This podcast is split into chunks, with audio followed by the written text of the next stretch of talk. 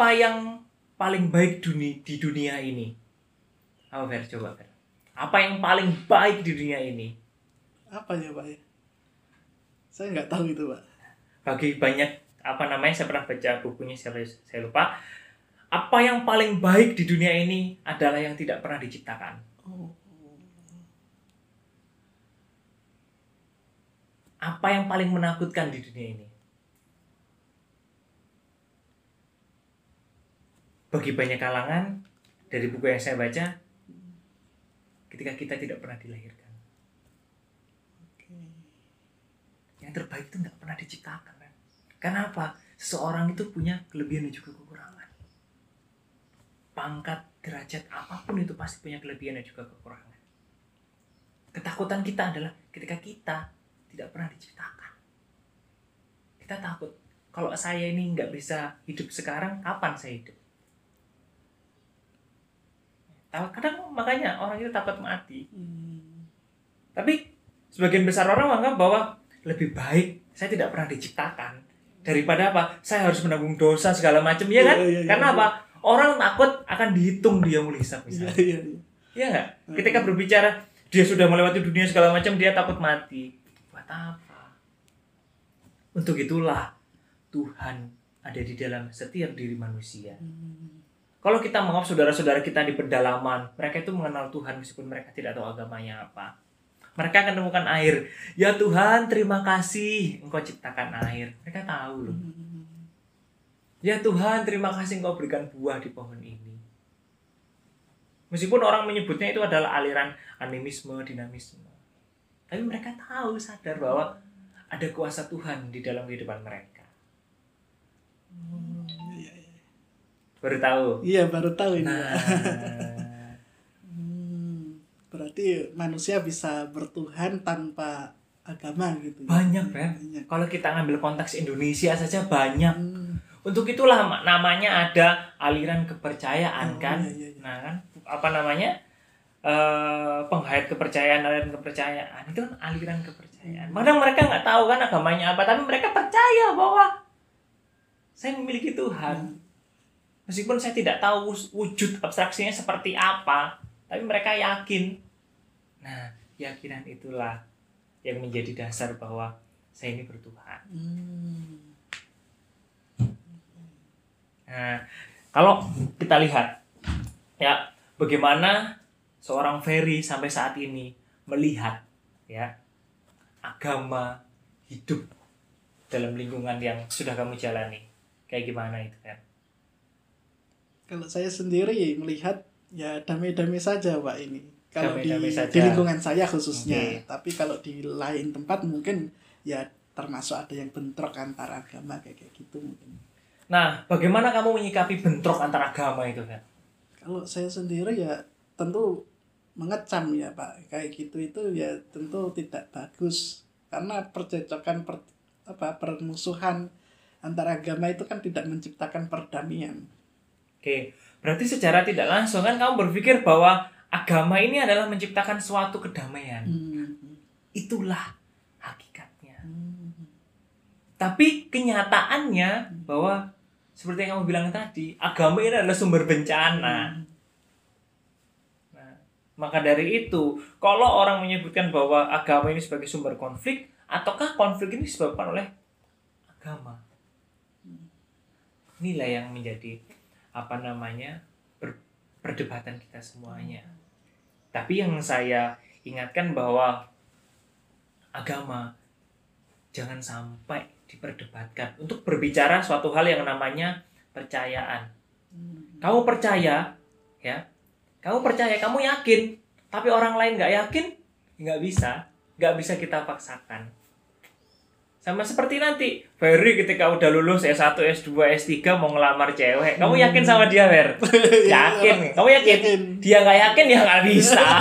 Berarti harus anu ya. Harus yakin, sama-sama Iya. satu keyakinan. Harus senada Hmm, seirama. harus gitu. senada meskipun berbeda Tuhan dalam artian kita tidak tahu apa namanya jodoh kita tapi kita mereka kita sama-sama yakin bahwa kita menjalani kehidupan ini kita ibadah segala macam meskipun alirannya berbeda, ah, madhabnya berbeda segala macam tapi sama-sama yakin itu akan selaras. Kan? Hmm. hmm. Jadi kayak gitu. Oh, ya ya ya bagus. Baik. Uh, Oke okay, pertanyaan yang selanjutnya yaitu gini Pak, uh, bagaimana sih kalau misalkan agama itu mendominasi eh, masyarakat gitu. Artinya ada sikap fanatis di dalam masyarakat. Kan kita tahu bahwa apalagi Indonesia ini berbagai macam aliran kepercayaan mazhab terus kemudian ali apa organisasi. Nah semua itu kan kadangkala menjadi dominasi gitu ya antar kelompok. Jadi kayak bersaing gitu. Nah kira-kira Oke. gimana Pak juga menyikapi hal semacam itu? Kalau agama sudah menjadi dominasi berarti agama ini masuk ke ranah yang jauh lebih dalam daripada Hmm. agama tersebut. Salah satunya adalah ranah politik. Nah kita tahu agama masuk ke, ranah politik wujudnya apa? Ada partai politik. Iya iya partai politik. Ada organisasi-organisasi yang berbasis politik. Ada para tokoh agama yang masuk ke menjadi politisi. Hmm. Ini adalah wujud bagaimana dominasi agama berusaha dimasukkan ke dalam ruang-ruang kekuasaan. Ketika sebuah struktur yang awal mulanya itu netral, baik-baik saja. Ketika ada dominasi satu agama, berarti tercipta dua hal. Ada mayoritas dan juga minoritas. Nah, mayoritas dan minoritas inilah yang menjadi awal menjadi mulanya bagaimana fanatisme agama itu bisa muncul. Karena apa? Yang mayoritas mengklaim bahwa diri mereka yang paling baik, Hmm. diri mereka yang paling berkuasa. Ada struktur minoritas yang dianggap bahwa kamu bagian kecil, sudah minoritas, kamu nggak dapat apa-apa, ya sudah kita yang mayoritas ikuti aja. Alhasil demikian. Maka dari itu kalau kita mengambil konteks Indonesia, kalau berbicara fanatisme beragama, itu kurang pas. Hmm. Kenapa? Negara kita dengan Pancasila sebagai dasar, itu mengajarkan bahwa kita ini setara. Hmm. Sebagai suatu sistem demokrasi di dalamnya, kita ini memiliki fungsi yang sama, memiliki peran yang sama, memiliki kebebasan yang sama. Boleh orang fanatik menganggap agamanya paling baik, boleh. Karena apa? Itu berbicara ke- kepercayaan. Tapi ketika kepercayaan itu dimasukkan ke dalam ruang publik, ini akan menjadi sumber malapetaka. Very boleh fanatis dengan agamanya, malah wajib, Fer. Hmm. kamu ya karena apa itu keyakinanmu mempercayai bahwa ya Nabi saya yang terakhir ya Muhammad ketika ada Nabi yang lain. Itu bukan oh boleh fanatik terhadap itu tapi apa? Kamu harus tahu ruangnya. Hmm. ruang privat dan juga ruang publik ini harus dibedakan. Contohnya kan banyak kan orang membawa agama segala macam bercerita tentang segala macamnya kemudian dimasukkan ke dalam ruang publik media sosial apa yang terjadi Ler? ya bentrok ya. Bentrok karena apa? Ini loh ruang ini loh yang masih belum bisa di kamu boleh siapa pun boleh fanatik itu boleh tapi harus dibedakan. Apalagi dengan sekarang undang-undang ITE kan? Iya, iya. siapa pun bisa kena kan? Iya. dianggap apa namanya? Apa yang kemarin kasus kemarin itu. Ada kan? Muhammad Kici segala Iya, macam iya, itu. iya. itu karena apa menodai agama menistai agama. Salah ngomong hadis saja sedikit ketika masuk ke media apa yang terjadi? Ya kan? Itu kan. Ruang privat dan ruang publik inilah yang harus kita bedakan. Kadang ruang privat dan ruang publik ini samar-samar Fer. Hmm. media sosial kamu ngeposting di media mungkin sebenarnya sah-sah saja. Ini Iya, iya. anu saya tapi apa? Ketika dibaca orang lain dilihat oleh orang lain itu akan jadi sumber masalah. Hmm. Mulanya semacam itu. Fanatisme ya itu yang terjadi. Berarti harus tahu batasan-batasannya. Hmm, gitu. ya. Setiap orang harus tahu batasannya. Hmm. aturan. Rule-nya mereka harus tahu. Karena apa? Hidup ini adalah sebuah permainan. Kalau kita nggak paham aturan kadang kita kalah. Kalau kita bisa mengakali aturan tersebut kita menang. Bukan kita menang semakin semenang-menang tapi kita menang berupaya untuk apa mengendalikan hawa nafsu kita supaya apa tidak egois tidak menang sendiri Gitu. musuh terbesar diri kamu siapa Nel?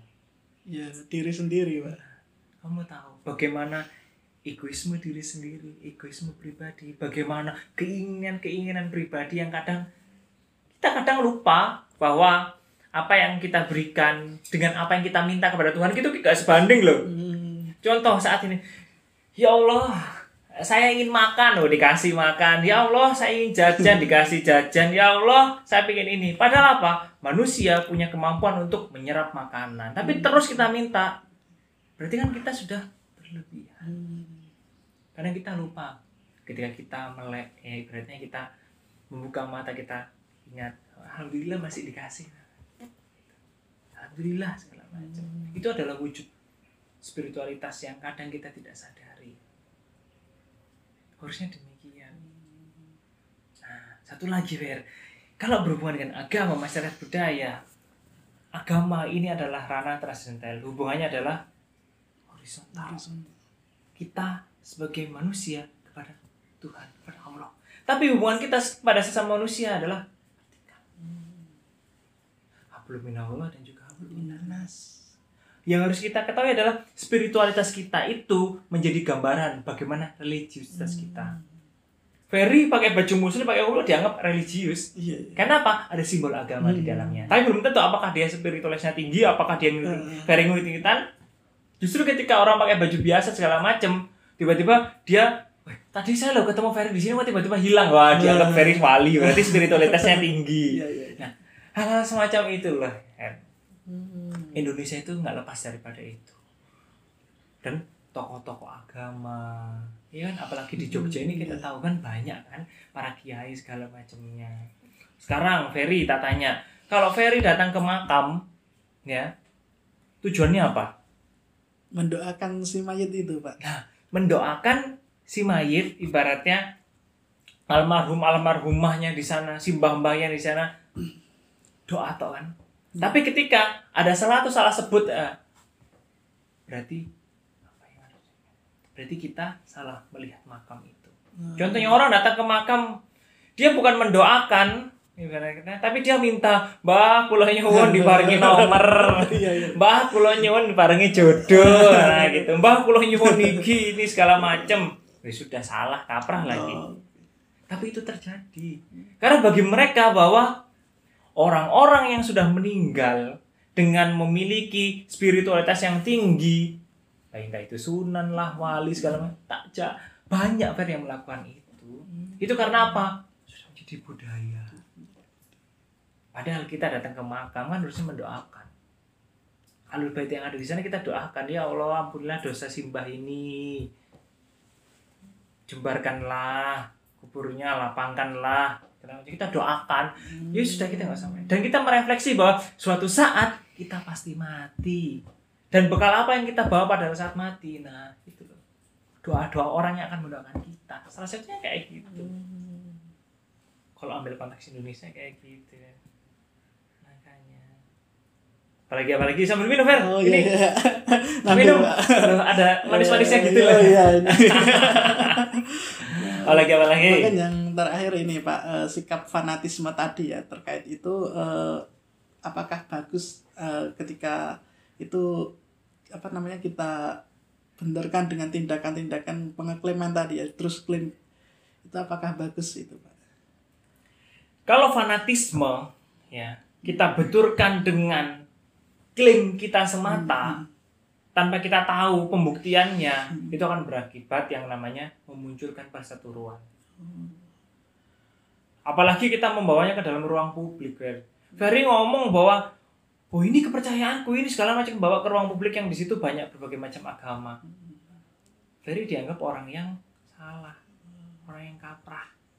Sudah salah kaprah lagi. Karena apa? Ferry dianggap tidak mampu menerapkan, tidak mampu bersikap. Maka dari itu, fanatisme yang harus kita lihat adalah apakah fanatisme ini fanatisme beragama atau fanatisme yang berhubungan dengan nasionalisme. Orang kalau berbicara Indonesia nonton bola kan ya sudah Iya, iya. Indonesia apalagi ketika negara-negara lain dia kan mengklaim budaya kita orang Indonesia kan sudah berani pasang da- badan kan iya iya. Pak. tapi apa? Ketika muncullah fanatisme beragama sudah hanya agamanya agama muncul satu satu satu satu segala macam. Saling menjelekkan ulama ini Hmm. menjelekkan tokoh padahal apa? Background agamanya kan sama kan? Sama ya. boleh fanatis boleh. Hmm. boleh kita fanatis sama guru kita sama agama kita. Boleh. Yang harus kita bedakan adalah yang harus kita tahu adalah apakah yang kita fanatis. Apakah hal-hal yang kita fanatis itu ber, akan apa namanya memberikan dampak kita fanatis dengan Nabi Muhammad nggak apa-apa itu sebagai suatu Iya, kewajiban sangat kita sebagai umat muslim Iya. tapi yang harus kita lihat adalah apakah kita membawa fanatisme kita ke dalam ruang publik di mana ruang publik ini tidak semuanya sekeyakinan dengan kita. Hal-hal kayak gitu. kan. Makanya kalau sekarang berbicara tentang agama itu ya wis kadang itu tadi kadang kita takut ngomong salah dalil dianggap waduh ini hadisnya belum soheh misalnya. Iya. ini mas hadisnya masih doif. Masih belum tentu ini kebenarannya. Masih belum bisa dilihat bagaimana sanatnya bagaimana perawinya. Apakah perawinya ini sudah cukup sebagai seorang perawi misalnya. Hal kayak gitu. Maka dari itu yang harus eh, kita bahkan apa namanya generasi muda saat ini lihat adalah jangan sampai kita salah dalam menyikapi berbagai macam hal yang kita lihat. Meskipun toh kita melihat itu adalah sebagai suatu kebenaran. Karena yang benar belum tentu itu menjadi suatu kebenaran yang mutlak dipahami oleh semua orang. Karena kadang kebenaran itu hanya kita yakini tapi orang lain tidak.